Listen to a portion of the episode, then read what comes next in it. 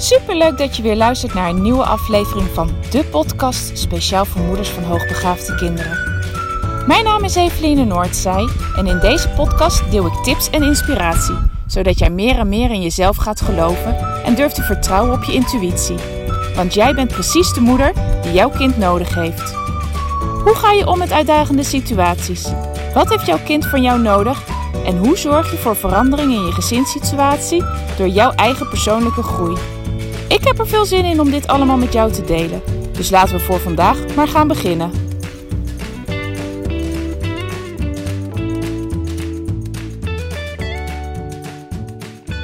Ha, lieve luisteraar, leuk dat je weer luistert vandaag.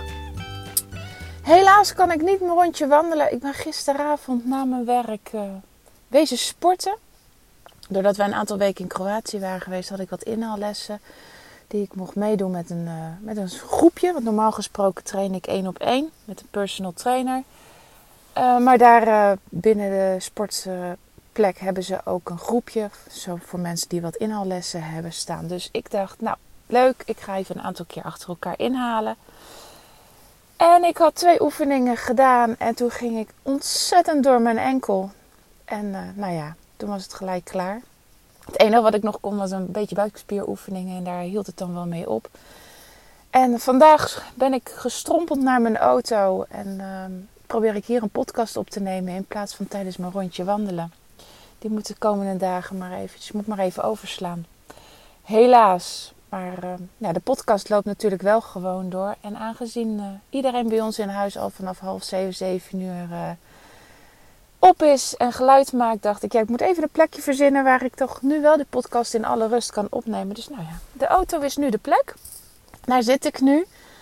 En uh, dit is de podcast voor donderdag. Morgen zit ik al op 100 podcasts. Eigenlijk had ik heel graag iets, uh, iets bijzonders willen doen, net zoals bij podcast nummer 50, maar dat krijg ik niet geregeld. Dus dat komt op een later moment, hetgene wat ik in gedachten heb. Maar podcast 99 vandaag. En ik wil het met je hebben over waar jij als ouder invloed op hebt. Gisteren had ik een gesprek met een, uh, met een moeder. Die, uh, en ik besprak met haar ook de cirkel van invloed en de cirkel van beïnvloeding. Van Stephen Covey is die, is die cirkel. En ik dacht, oh, dat is heel interessant om ook daar een podcast over op te nemen. Omdat ik merk dat heel veel ouders daar ook mee worstelen. Uh, en met name worstelen met waar heb ik wel en waar heb ik geen invloed op. En dat ze met regelmaat proberen invloed uit te oefenen op de dingen waar ze geen invloed op hebben. En dat maakt dat ze zich heel erg machteloos voelen. En ik herken dit ook heel erg nog van mezelf.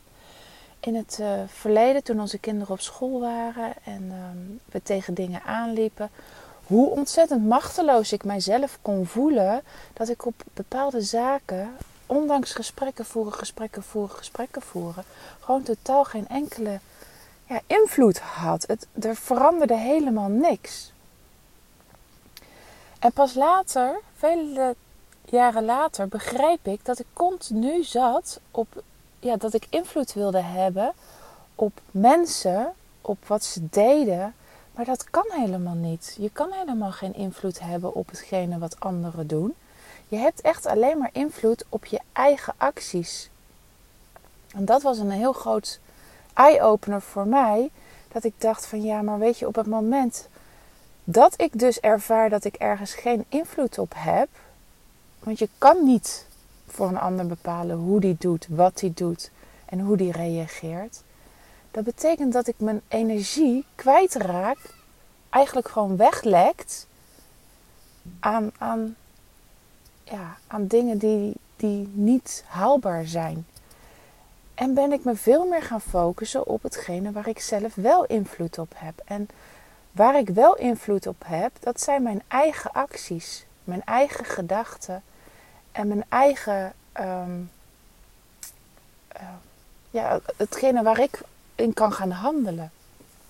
En dat is niet een, een leerkracht ompraten, zodat ze toch gaan, gaan geven aan mijn kind wat, wat, wat, wat hij of zij nodig had.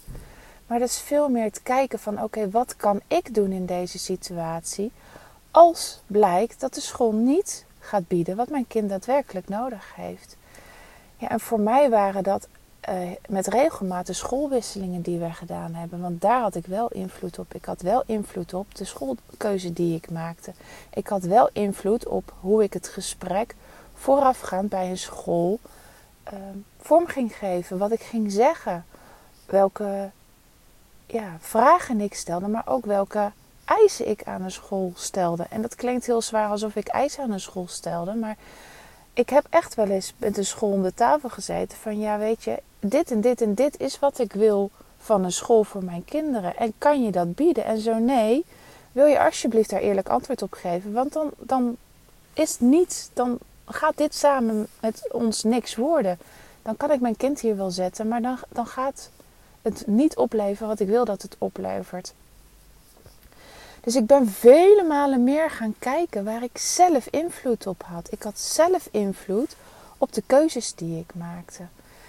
En dat heeft mij enorm geholpen om uit dat gevoel van machteloosheid te komen.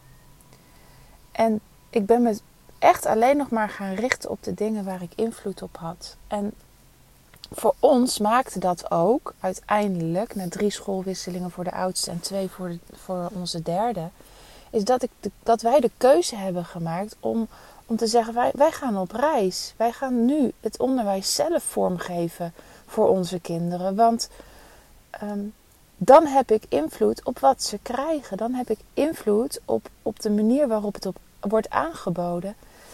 Uh, en dan heb ik ook invloed op ja, op, op waar, ik op inspeel, dat ik kan inspelen op hun interesses.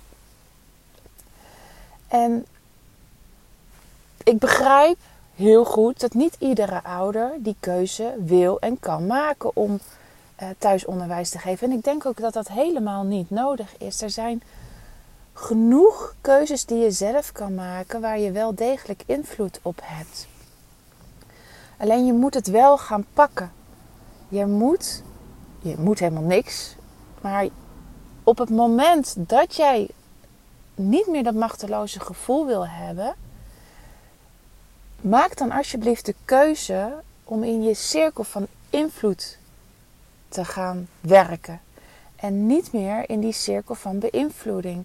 Tuurlijk kan je dingen aangeven en tuurlijk kan je eh, dingen signaleren en gaan bespreken. Maar dan ben je aan het beïnvloeden. Je hebt daar geen invloed op. Je bent nog steeds afhankelijk van de keuzes die een ander maakt.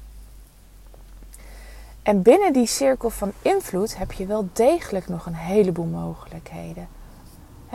Ook als je niet kiest voor de, uh, niet de keuze maakt die wij hebben gemaakt. Dat hoeft helemaal niet. Maar ik zie gelukkig steeds meer ouders die heel bewust zijn van hun cirkel van invloed en zeggen: Oké, hier kan ik niet meer mee verder. Hier loopt het vast, hier loopt het spaak. Maar ik heb, kan nog zoveel keuzes wel maken waar ik, die, die ik maak vanuit mijn, vanuit mijn visie over wat mijn kind nodig heeft. En ik ga veel meer zitten op, de, op die keuzes. En ik ga daarvoor staan en ik, uh, ik ga daar ook naar handelen. En ik stop om in mijn, in mijn positie te zitten waarop ik ja, voor mijn gevoel totaal geen enkele invloed op heb. En ik maak de keuze om wel ergens invloed op te gaan hebben. Nou, dit wat betreft de cirkel van invloed. En ik, ja, wat ik eigenlijk hoop dat je hebt kunnen horen hierin, is dat jij ten alle tijde invloed hebt. Dat jij niet uh, de marionettenpop bent van, van het onderwijssysteem, maar dat je binnen dit onderwijssysteem nog zoveel keuzemogelijkheid hebt die ja, waarbij je, je wel je kind kan geven wat het nodig heeft. Voor vandaag ga ik afsluiten. Ik strompel zo weer terug naar mijn huis. Ehm, ik ga even wat andere dingen bedenken die we vandaag gaan doen dan die ik eigenlijk eerst op mijn, uh, op mijn lijstje had gezet. En uh, ik wens jou in ieder geval voor vandaag een hele fijne dag. En ik spreek je morgen weer bij de honderdste aflevering. Groetjes, doei doei!